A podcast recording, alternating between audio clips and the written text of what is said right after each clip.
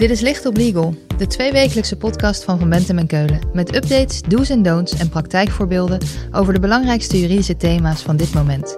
Pragmatisch vertaald naar de impact op jouw organisatie. Gebracht door onze eigen experts. Je zou dus ook zelf zo'n procedure kunnen starten. En dat zou in je belang kunnen zijn op het moment dat je ziet dat een onderneming op faillissement afstevend. Met de komst van de WOHA, de Wet Homologatie Onderhandsakkoord, hoeven bedrijven straks niet meer uit te wijken naar andere landen als ze buiten faillissement hun schulden willen saneren. Dit is deel 2 van het Licht op Legal tweeluik over de WOHA. In de vorige aflevering spraken we met Alice van der Schee over de gevolgen van deze wet voor bedrijven in de problemen. Deze keer praten we met Frank Noé over wat de WOHA voor impact heeft op schuldeisers en leveranciers. Hij stelt zich even voor. Ik ben Frank Noé. Ik ben ruim tien jaar advocaat bij Van Bentem Keulen op de praktijkgroep herstructurering en insolventierecht. En ik heb in die tijd heel veel bedrijven bijgestaan die in financieel zwaar weer verkeerden. Frank treedt daarnaast vaak op als curator in faillissementen of bewindvoerder in surseances. Frank, nog even in het kort. Waar draait het bij de WOHA ook alweer om? Nou, de WOHA is een uh, nieuw herstructureringsinstrument dat uh, nu nog bij de Eerste Kamer ligt, maar naar verwachting aan het eind van het jaar zou worden aangenomen. De WOA uh, biedt ondernemers, maar ook crediteuren van deze ondernemers, de mogelijkheid om een akkoord buiten faillissement uh, te treffen. Nu is dat niet mogelijk. Nu kan je alleen een, een akkoord aanbieden buiten faillissement op het moment dat alle crediteuren instemmen. Met de WOA wordt het mogelijk dat je crediteuren kan dwingen om met een akkoord mee te gaan, ook als ze niet meestemmen met het voorstel. Nu is het zo dat een akkoord buiten faillissement wel kan, maar dan moet je echt alle poppetjes mee hebben. Straks gaat het dus veranderen. Dan kan het ook als een deel van de crediteur het ermee eens is. Maar leg even uit, wat zijn de belangrijkste punten? Nou, de belangrijkste kenmerken van de WOA is eigenlijk dat het, naast dat het een dwangakkoord is, dat je crediteuren onderverdeelt in klassen. Je krijgt dus de mogelijkheid om al die crediteuren in groepen onder te verdelen. Uh, bijvoorbeeld een gewone concurrente crediteur, of de crediteur met een voorrang, de preferente crediteur. En je kan al die verschillende klassen, kan je een ander voorstel doen, een ander akkoord aanbieden. Uh, in de WOA is het zo geregeld dat op het moment dat er één klasse instemt met het akkoord, dat al die klassen gebonden kunnen worden aan het akkoord. En daar kan je op inspelen. Begrijp ik het dan goed dat als je een afspraak maakt met één klasse, dus één groep schuldeisers, dat ook alle andere typen schuldeisers gebonden worden? Ja, dat zou kunnen. Op het moment dat je, je doet al die klassen een, een eigen voorstel, dan wordt er gestemd per klasse. Uh, en dan kan de uitkomst zijn dat één klasse maar instemt en de andere niet. En ook in dat geval uh, mag je als ondernemer het gehele akkoord voorleggen aan de rechter. Dus bij instemming van één klasse kan de rechter gaan oordelen of die andere klassen ook zijn gebonden. Dat is best wel een rijk instrument voor bedrijven in nood. Zijn dat ook alleen degenen die zo'n procedure kunnen starten? Ja, de ondernemer kan uh, de WOA-procedure starten, maar het is niet alleen de ondernemer die dat zelf kan, het zijn ook de crediteuren van de onderneming die dat kunnen. Maar meestal zal het dus een bedrijf in nood zijn die zo'n WOA-procedure zal starten. Ja, dat zal de tijd moeten uitwijzen. De WOA is er nog niet, er is nog geen ervaring mee. Um, dus we zullen moeten gaan kijken hoe dat in de praktijk gaat. Ik verwacht dat het eerder ondernemers zijn, ondernemers die weten hoe het gaat met hun onderneming. Uh, je ziet vaak dat ondernemers vaak te laat pas actie of herstructureren, te, vaak te laat actie ondernemen.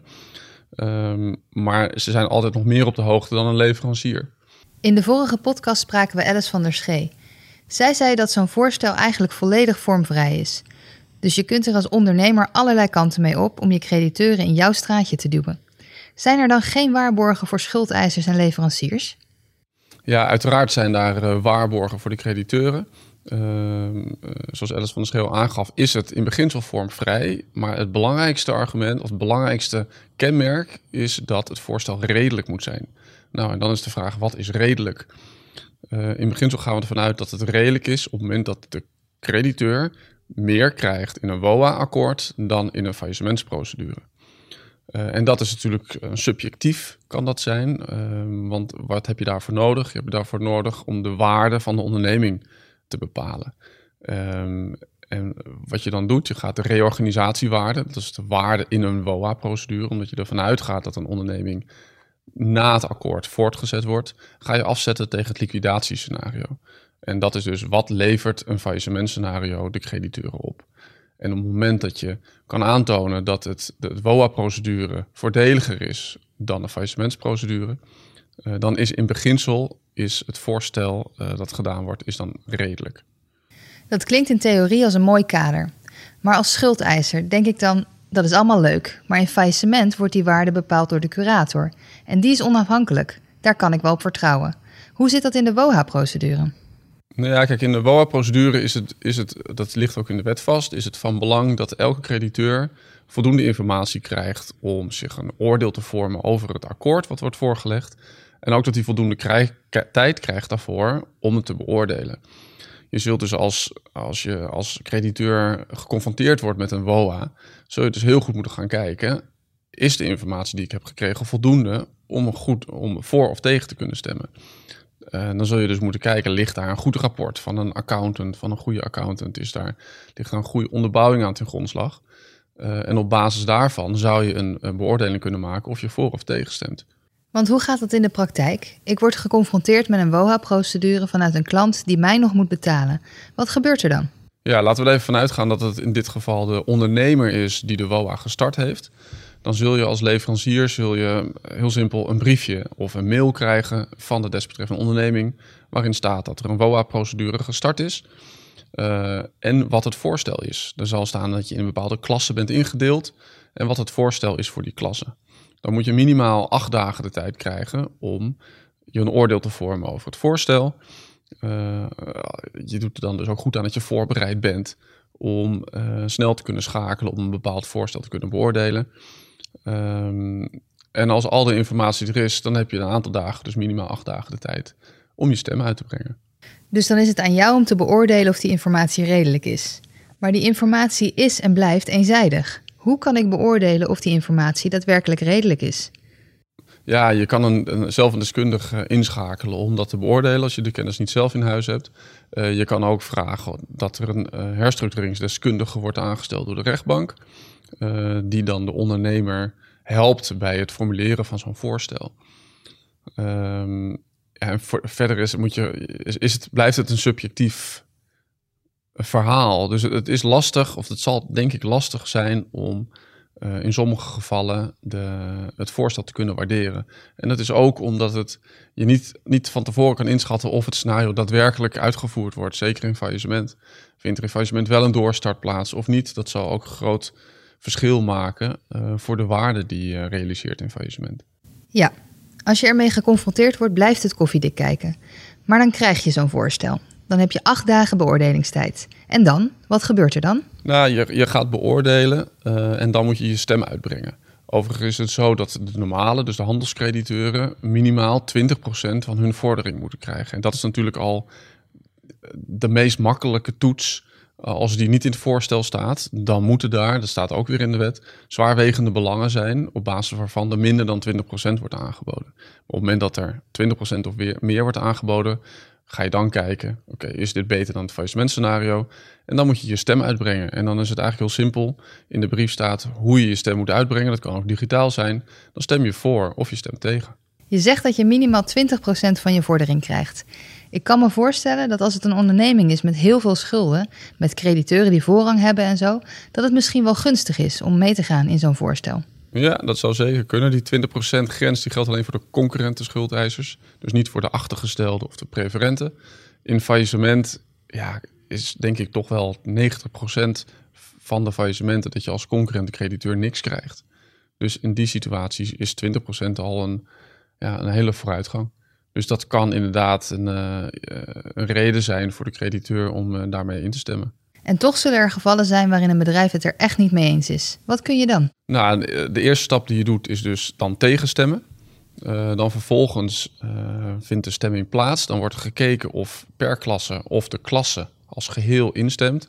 En de klasse als geheel instemmen betekent op dat meer dan twee derde van de hoogte van de vorderingen instemt. Dus niet alle schuldeisers uit een klasse hoeven in te stemmen, maar slechts twee derde van het bedrag. Dat kan dus ook betekenen dat een hele grote crediteur best wel een flinke stem kan hebben in het feit of een klasse voor of tegen stemt. Nou, dan heb je de situatie dat er één of meerdere klassen hebben voorgestemd. Als dat zo is, dan zal de ondernemer die zal het hele akkoord ter homologatie voorleggen aan de rechter. Dat betekent simpel gezegd dat de rechter gaat beoordelen of het een redelijk akkoord is. En homologeren betekent gewoon goedkeuren of uh, instemming geven. Op het moment dat dat gaat gebeuren, dus dat er één klasse heeft ingestemd, dan heb je als crediteur nog de mogelijkheid om de rechter te verzoeken om toch niet tot homologatie over te gaan. En de belangrijkste uh, reden daarvoor is, is dat je dus ziet dat je niet uh, beter af bent in dit scenario dan in een faillissementscenario. Er zijn nog een paar algemene waarborgen waaraan het uh, akkoord moet voldoen. Uh, ten eerste is dat de ondernemer die het aanvraagt wel in de toestand moet verkeren dat hij voorziet dat hij niet zijn schulden kan gaan voldoen. Um, hij moet voldaan hebben aan de verplichtingen van het, de inhoud van het akkoord. En dat betekent heb je voldoende informatie aangeleverd en heb je dat op tijd gedaan. Um, en voor de rest moet ook de nakoming van het akkoord zijn gewaarborgd. Dus je kan wel zeggen, je krijgt 20%, maar als je dat uiteindelijk niet kan betalen, dan moet er dus waarborgen voor zijn. Nou, zo zijn er een aantal van dat soort algemene voorwaarden die er moeten zijn. Um, en ook de voorwaarden die ik net noemde, dat je dus als concurrente schuldeiser minimaal 20% moet krijgen, tenzij er zwaarwegende um, redenen zijn om dat anders te doen. En als je bedrijfsjurist bij een schuldeiser of leverancier bent, wat zijn de belangrijkste punten waar je op moet letten? Nou, het belangrijkste is dat je voorbereid moet zijn. Dus dan gaan we er even vanuit dat je de bedrijfsjurist van de leverancier of de crediteur bent. Uh, het kan dus zijn dat je vanaf ergens eind dit jaar, als de WOA is uh, aangenomen, dat je geconfronteerd wordt met een akkoord. En dan moet je snel kunnen schakelen, want je hebt waarschijnlijk dan acht dagen de tijd om voor of tegen te stemmen. Dus ik denk dat je er verstandig aan doet om je daarop voor te bereiden. op het moment dat je de kennis niet zelf in huis hebt, dat je deskundigen paraat hebt staan, zoals een accountant of een, een gespecialiseerde insolventierechtadvocaat, die je dan kunnen helpen om het voorstel te beoordelen. Uiteindelijk ga je dus een deel van je vordering verliezen.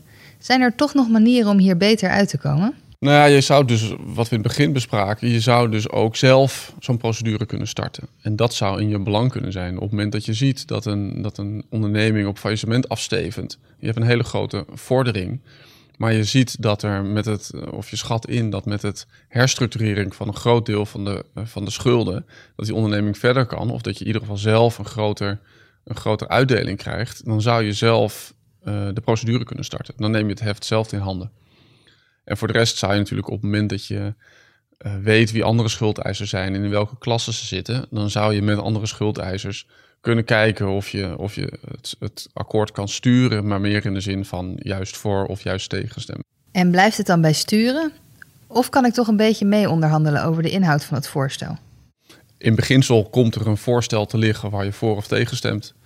Um, en op het moment dat je uh, gaat onderhandelen, dat zou kunnen. Maar het, het, uiteindelijke resultaat moet wel worden voorgelegd of neergelegd door uh, de onderneming zelf. Maar het kan in de praktijk dus wel. Nee, ik kan me ook voorstellen dat banken, grote uh, crediteuren in veel faillissementen, daar wel hun stem in willen hebben. Of in ieder geval proberen om daar invloed op uit te oefenen. En als ik nou toch tot de conclusie kom dat het voor mij veel gunstiger is dat het bedrijf gewoon failliet gaat, kan ik dan niet toch gewoon faillissement aanvragen? Nou, lopende een uh, WOA-procedure, dan kan je niet zelf nog een faillissementsprocedure starten. Uh, dus dan heeft de WOA-procedure heeft voorrang. En als je het punt ziet aankomen dat een bedrijf richting faillissement dreigt te gaan, maar een wohaatje wil doen, kan ik er dan als schuldeiser niet toch voor langs schieten? Uh, je zou er voor langs kunnen schieten, maar dan is het als de onderneming zelf een WOA-procedure wil starten. Uh, en die wordt gedaan voordat faillissement is uitgesproken, dan wordt ook, krijgt ook die WOA-procedure voorrang. En dan gaat de rechter een soort uh, afkoelingsperiode gelasten, waarin wordt gekeken of de WOA ook echt mogelijk is. Als er één ding is dat ik als luisteraar absoluut moet onthouden, wat is dat? Nou, dat zou voor mij zijn dat je dus voorbereid bent. Dat je, als je geconfronteerd wordt, dat je er klaar voor bent om snel te schakelen. Uh, en aan de andere kant, wees alert als er uh, zakenrelaties zijn waarvan je gewoon merkt dat het niet goed gaat. Dat je weet dat deze optie er is. En dat je desnoods advies inwint of de WOA-procedure uh, gunstig zou kunnen zijn. Frank, dankjewel. Als we meer willen weten over de WOHA, waar kunnen we dan terecht? Nou, jullie kunnen me natuurlijk altijd telefonisch bereiken bij Vermentum Keulen of mij mailen op franknoé.vbk.nl. Dit was Licht op Legal, een podcast van Van Bentem en Keulen. Te beluisteren via Spotify, Apple Podcast of je eigen favoriete podcast-app. Wil je meer weten? Heb je suggesties voor een onderwerp? Of wil je dat onze experts hun licht laten schijnen op jouw juridisch vraagstuk? Laat het ons weten via vbk.nl/slash lichtoplegal.